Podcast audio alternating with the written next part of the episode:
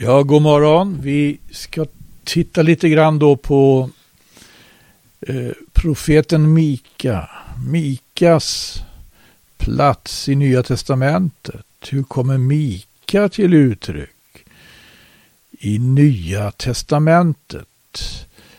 Eh, det är faktiskt en profet som man skulle kunna vilja, skulle vilja ägna lite tid åt eh, hans plats i gamla testamentet, för den är riktigt... Eh, han, han har en viss tyngd den här Mika. Eh, jag läser i Mikas bok från första versen, det står Detta är Herrens ord som kom till morastiten Mika. I Jotams, Ahas och Hiskias judakonungars tid och han skådade angående Samaria och Jerusalem. Bara här så har vi ju tydligt och klart besked att Mika, han var verksam samtidigt som Jesaja, en period som Jesaja var verksam, var också Mika verksam. Och liksom Amos var verksam, en period som Amos var verksam var Mika verksam. Det står att Mika skådade sina syner. Det var i Jotams, Ahas och Hiskias judakonungars tid. Det här täcks ju väl av Jesaja då. Det heter i Jesajas inledning där att detta Jesaja, Amos sons syner, var han skådade angående Juda och Jerusalem i Ussias, Jotams, Ahas och Hiskias judakonungars tid. Under Ussias tid var Mika inte verksam, men det var däremot Amos. I inledningen till Amos bok står det att detta är vad som talades av Amos, en bland herdarna från Tekoa. Vad han skådade angående Israel i Ussias judakonungs och Jerobiams Joassons Israels konungstid. De var verksamma periodvis i alla fall samtidigt de här profeterna. Och Mika står det att han är en morastit. Vad är det för någonting? Det framgår i inledningen av, av Mika, hans första kapitel här. Det hade viss, han hade en, en slags personlig tragedi. Eh, ma, morastiten, det betyder egentligen eh, i grunden Moreset Gat kommer det av och det betyder att det handlar om gat, gats tillhörighet. Det här är Gats tillhörighet. Han hade anknytning till Gat. Och han stämmer upp det här budskapet eh, som är riktat då särskilt till Samaria. Det gäller Samaria. Det gäller Jerusalem. Och han säger bland annat så här. Hör ni folk allasammans, jag läser från andra versen. Akta här på du jord med allt vad på dig är. Och vare Herren, Herren, ett vittne mot er, Herren i sitt heliga tempel. Se, Herren träder ut ur sin boning. Han far ner och går fram över jordens höjder. Bergen smälta under hans fötter och dalar bryta sig fram, så som vaxet gör för elden, så som vattnet när det störtar ut för branten. Genom Jakobs överträdelse sker allt detta och genom Israels hus synder. Vem är då upphovet till Jakobs överträdelse? Är det icke Samaria? Och vem till Juda offerhöjder är det icke Jerusalem? Så ska jag då göra Samaria till en stenhop på marken, till en plats för vingårdsplanteringar. Ja, han fortsätter i, i åttonde versen. För den skulle måste jag klaga och jämra mig. Jag måste gå barfota och naken. Jag måste upphäva klagoskri såsom en schakal och sorgelåt såsom en struts. Här är verkligen ett profetöde. Men så kommer han i, tionde versen och stämma upp den här klagosången, sorgesången som en gång David stämde upp. Förkunnade icke i gat, förkunnade icke i gat. Vad betyder det? Förkunnade är faktiskt ett, något av ett bevingat ord i skriften. David stämde upp den här klagosången när Saul hade fallit, när Saul hade blivit dödad i striden, både Saul och Jonatan. Det hade att göra med att förkunnades det här i gat så skulle det uppfattas av filisterna, det här nederlaget. Och det var någonting som var tydligen, Eh, det var inte meningen att det här skulle så att säga bäras fram det här budskapet han fick. Han fick gå med det själv. Han fick bära fram det, men tydligen han kunde inte bära fram det i, i sin egen hemstad. Det var förmodligen hans hemstad. Han var Mora, Morastit. Det betyder Gats tillhörighet. Och till yttermera visso så står det så här i fjortonde versen. Profeten talar till Gud och han säger därför måste du ge skiljebrev åt Morset gat. Ja, det här är ju profeten själv. Morastit, det är hans hemort. Det här låter verkligen lite som Jesus, gör det inte, som hade sin hemort i Kapernaum. När han stämmer upp klago, så att säga, jämmerrop och klagorop över Koratsin och Betsaida och Kapernaum. Du Kapernaum, ska väl du bli upphöjd till himmelen? Nej, ner till dödsriket måste du fara. Och så kommer profeten Mika här in på avfallet och han skildrar det verkligen ingående i kapitel 2. Men samtidigt finns här också löften om upprättelse. Han fortsätter i kapitel 3. Det, det, det, jag kan ta kapitel 2, bara början där. Ve dessa som tänka ut vad fördärvligt är och bereda vad ont är på sina läger och som sätta det i verket så snart morgonen gryr. Allenast det står i deras makt. Vad umgås människor med för tankar? Vad umgicks människor med för tankar på den tiden? Vad umgås människor med för tankar idag? Det här är ett profetiskt ord. Det betyder det har satt sidor som träffar oss. Därför det har ännu inte allt gått i fullbordan. Jag sa, hör ni Jakobs hövdingar, så här börjar tredje kapitlet.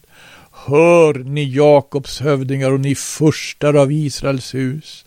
Tillkommer det inte er att veta vad rätt är, ni som hatar det goda och älskar det onda? Ni som sliter huden av kroppen på människorna och köttet från deras ben. Det var väldigt eh, illa ställt i landet på den tiden. Det framgår här både i andra och tredje kapitlet. Men jag, säger han i kapitel 3, vers 8, jag är uppfylld med kraft, med Herrens ande, med rättsinne och frimodighet så att jag kan förkunna för Jakob hans överträdelse och för Israel hans synd. Ja, det kunde han alltså göra. Han förkunnade. Eh, det heter så här, på tal om hans plats i Gamla Testamentet. Då.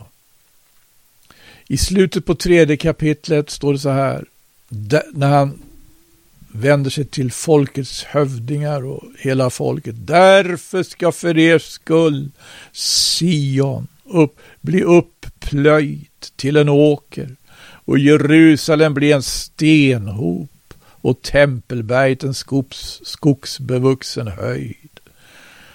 Och det här påminns om i Jeremias bok. Jeremia var ju verksam senare en Mika, en Jesaja. Och Jeremia hade ju ett budskap om den babyloniska fångenskapen och hur det skulle bli ockuperat landet och staden Jerusalem skulle intas. Det här budskapet innebar ju att han fick väldigt trångt, Jeremia. Och det var några som ville döda honom. Men det heter så här i Jeremias boks 26 kapitel i 17 versen. Några av de äldste i landet stod upp och sa till folket, nu handlar det om Jeremia, jag läser från Jeremias bok, därför här nämns nämligen Mika, det är intressant, just den här versen. Några av de äldste i landet stod upp och sa till folkets hela församling sålunda. Morastiten Mika profeterade i Hiskias judakonungs tid och sa till hela, till hela judafolk så säger Herren Sebot, Sion ska bli upplöjt till en åker och Jerusalem ska bli en stenhop och tempelberget en skogsbevuxen höjd. Det är alltså just den versen i tredje kapitlet i Mika, tolfte versen. Men, fortsätter de äldste på den tiden, lät väl Hiskia, juda konung, med hela juda döda honom. Fruktade han inte istället Herren och bönföll inför honom, så att Herren ångrade det onda som han hade beslutit över dem, medan tvärtom vi nu står färdiga att dra över oss själva så mycket ont. Där kom de att tänka på den här profeten och därför så insåg de att det var väldigt fel att försöka att bringa Jeremia om livet i den tiden då. Sen har vi en mycket intressant då, ett, där Jesajas budskap, Jesajas boks andra kapitel helt sammanfaller med Mika i fjärde kapitlet. Det står så här i Mikas fjärde kapitel. Men, står det i början, det ska ske i kommande dagar att det berg där Herrens hus är ska stå där fast grundat, ypperst ibland bergen och vara upphöjt över andra höjder och folk ska strömma dit upp. Ja, många hedna folk ska gå stad och ska säga upp Låt oss dra oss stad till Herrens berg, upp till Jakobs Guds hus, för att han må undervisa oss om sina vägar, så att vi kan vandra på hans stigar. Ty från Sion ska lag utgå och Herrens ord från Jerusalem, och han ska döma mellan många folk och skipa rätt åt mäktiga hedna folk ända bort i fjärran land. Då ska de smida sina svärd till plogbillar och sina spjut till vingårdsknivar. Folken ska ej mer lyfta svärd mot varandra och icke mer lära sig att strida. Vad handlar den här profetian om? Ja, den handlar delvis alltså om församlingen, är jag övertygad om. Den kristna församlingen som har alltså inneburit att hedna folken strömmar till Herrens hus. Sett i perspektiv då. Sen så verkar det som att det handlar också om de tusen åren. Exakt samma ordalydelse finner vi i Jesajas boks andra kapitel. De var alltså sam verksamma samtidigt de här båda profeterna. Lappa över delvis varandras verksamhetstid. Mika och Jesaja liksom Amos. Och på tal om Mika då i Nya Testamentet, då har vi ju eh, det tydligaste då kanske exemplet i femte kapitlet. I kapitel 5 i Mikas bok så har vi de här orden. Det står ifrån början Nu må du samla dina skaror, du skarornas stad bålverk har man rest upp mot oss. Israels domare slår man med ris på kinden. Här handlar det förmodligen om Jerusalem, men så heter det Men du, men du, Betlehem, Efrata som är så ringa för att vara bland Judas släkter. Av dig skall åt mig utgå en som ska bli en furste i Israel en vilkens härkomst tillhör förgångna åldrar, forntidens dagar. Eller med Karl XIIs bibel, vilkens utgång varit haver av begynnelsen och av evighet. Han som föddes i Betlehem. Det här citerar eh, de skriftlärde i Jerusalem, läser vi Matteus evangeliet i andra kapitlet i Matteus. Det heter så här. När nu Jesus var född i Betlehem i Judeen på konung Herodes tid då kom vise män från Österns länder till Jerusalem och sa Var är den nyfödde judakonungen? Vi har nämligen sett hans stjärna i östen och har kommit för att ge honom vår hyllning. När konung Herodes hörde detta blev han förskräckt och hela Jerusalem med honom och han församlade alla överste präster och skriftlärde bland folket och frågade dem var Messias skulle födas. Det svarade honom i Betlehem i Judeen. För så är det skrivet genom profeten. Du Betlehem, du judiska bygd. Genom, vilken profet var det? Det var profeten Mika. Och du Betlehem, läste det skriftlärde och överste prästerna för konungen. Du Betlehem, du judiska bygd. Ingalunda är du minst bland juda förstar. För av dig ska utgå en furste som ska bli en herde för mitt folk i Israel. Här tog de inte med det här som vi ska fundera lite grann på. Det står inte bara att han skulle föda, Messias skulle födas i Betlehem, det står att hans utgång, eller eh, ska jag ta King James här också, going forth, whose goings forth have been from of old, from everlasting. Hans utgång, läser vi i Karl XII, har varit av begynnelsen och av evighet. Den som föddes i Betlehem. Ja, när en gång aposteln Paulus skriver sitt brev till kolosserna, då skriver han ju så här. Till denna församling som får alltså genom, genom aposteln eh, en väldig undervisning. I Kolosserbrevets första kapitel och tolfte vers. Ni, skriver han, ska med glädje tacka Fadern som har gjort er skickliga till delaktighet i den arvslott som det heliga har i ljuset. För han har frälst oss från mörkrets välde och försatt oss i sin älskade Sons rike. I honom har vi förlossningen, förlåtelsen för våra synder. I honom som är den osynlige Gudens avbild och förstfödd före allt skapat. För i honom skapades allt, i himmelen och på jorden synligt såväl som osynligt, både tronänglar och herrar och förstar och väldigheter, allt sammans har blivit skapat genom honom och till honom. Ja, han är till före allt annat. Och allt sammans äger bestånd i honom. Förstfödd läste vi här i Kolosserbrevets eh, femtonde vers i kapitel 1 förstfödd före allt skapat. Hans utgång är av begynnelsen och av evighet. Han fanns innan någonting annat fanns.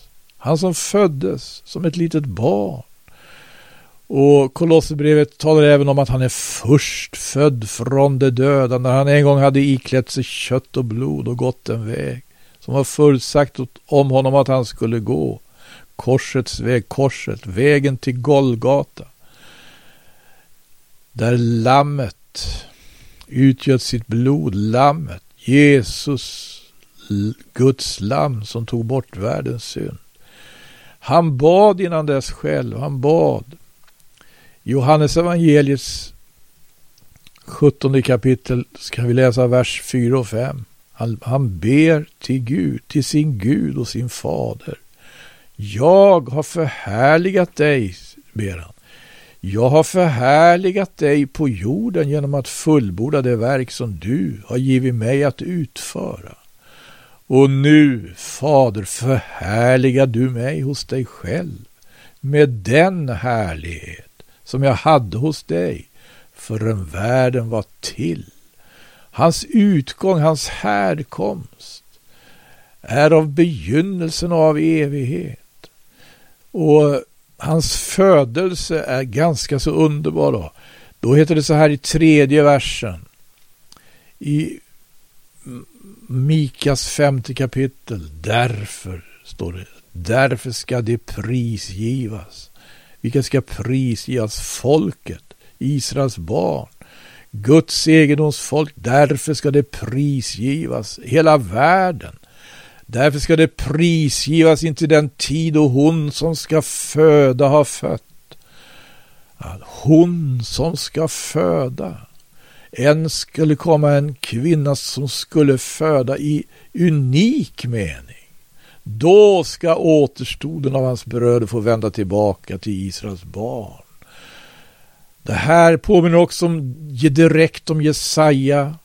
Och i Jesajas sjunde kapitel läser vi ju om vilket budskap profeten Jesaja fick till konung Ahas. Han går till honom och så säger han så här enligt den elfte versen i Jesajas sjunde kapitel. Begär ett tecken från Herren din Gud. Du må begära det vare sig nerifrån djupet eller uppifrån höjden.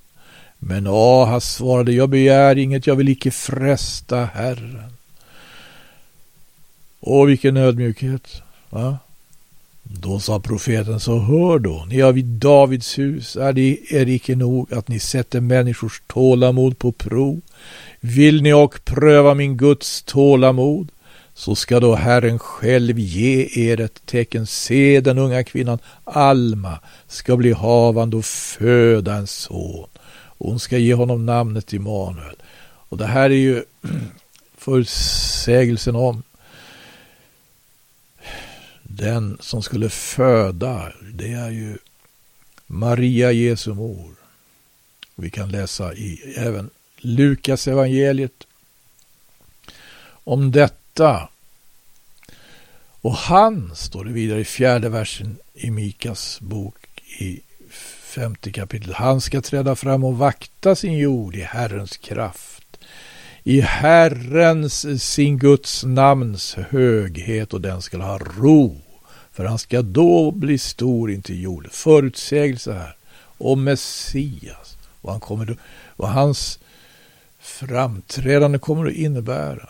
Han föds i Betlehem. Ja. Det här citatet finns i Matteus evangeliet. Men det finns också ett annat citat som återkommer när Jesus undervisar om sin efterföljelse. Det står ju så här igen i sjunde kapitlet så klagar Mika över avfallet. Och i, i tredje versen säger han det till att främja det onda i deras händer redo. Försten begär gåvor och domaren står efter vinning. Den mäktige kräver öppet vad honom lyster så bedriva det vrånghet den bäste bland dem är så som ett törnsnår den redligaste värre än en taggig häck. Men när dina siares dag är inne, ja, när hemsökelsen når dig, då ska bestörtning komma ibland dem. Man får inte tro på någon vän, inte lita på någon förtrogen. För henne som vilar i din famn måste du vakta din muns dörrar. För sonen föraktar sin fader. Dottern sätter sig upp mot sin moder. Sonhustrun mot sin svärmor och en var har sitt eget husfolk till fiender. Det här påminner Jesus själv om när han i Matteus evangelis tionde kapitel undervisar, sänder ut sina tolv lärjungar och samtidigt undervisar dem om vad hans efterföljelse innebär. Det är mycket där, men det står så här i 34 versen där. Ni, säger Jesus, ni ska icke mena att jag har kommit för att sända frid på jorden. Jag har icke kommit för att sända frid, utan svärd. Ja, jag har kommit för att uppväcka söndring, så att sonen sätter sig upp mot sin fader och dottern mot sin moder och sonhustrun mot sin svärmor och en var får sitt eget husfolk till fiender. Det som Jeremia, det som Mika, när, när Mika skildrade avfallet så får han fram det här. Jesus tar fasta på det. När han talar om sin efterföljelse, när Jesus kommer med sitt budskap så blir ju verkligen avfallet avslöjat. Han säger, ni ska icke mena att jag kommer för att sända frid på jorden. Ja, det här är det andra citatet som uttryckligen finns med från Mikas bok. I Nya Testamentet och överhuvudtaget så är ju budskapet genomträngt av den helige ande. Och avslutningen är ganska så underbar för där talas det ju om evangelium om syndernas förlåtelse. I sista kapitlets 18 vers. Vem är en sådan Gud som du, du som förlåter kvarlevan av din arvedel dess missgärning och tillger den dess överträdelse. Du som inte behåller vrede evinnerligen, för du har lust till nåd. Och du ska förbarma dig över oss och trampa våra missgärningar under fötterna. Ja, du ska kasta alla deras synder i havets djup. Du ska bevisa trofasthet mot Jakob och nåd mot Abraham, så som du med ed har lovat våra fäder i forntidens dagar. Så avslutar profeten Mika sitt budskap. Och vi har bara sett några glimtar här, men inte oväsentliga glimtar. Och liksom när jag går igenom profeterna, de, det är alltid en aspekt som eh, det finns mycket mer i varenda så att säga bok här som varje enda profet har skrivit som finns i Bibeln. Vi tittar på några aspekter, inte oväsentliga aspekter. Och jag tror, jag får tacka för mig då för den här gången. Gud välsigne var och en. Gud välsigne det öra som hör. Tack ska ni ha.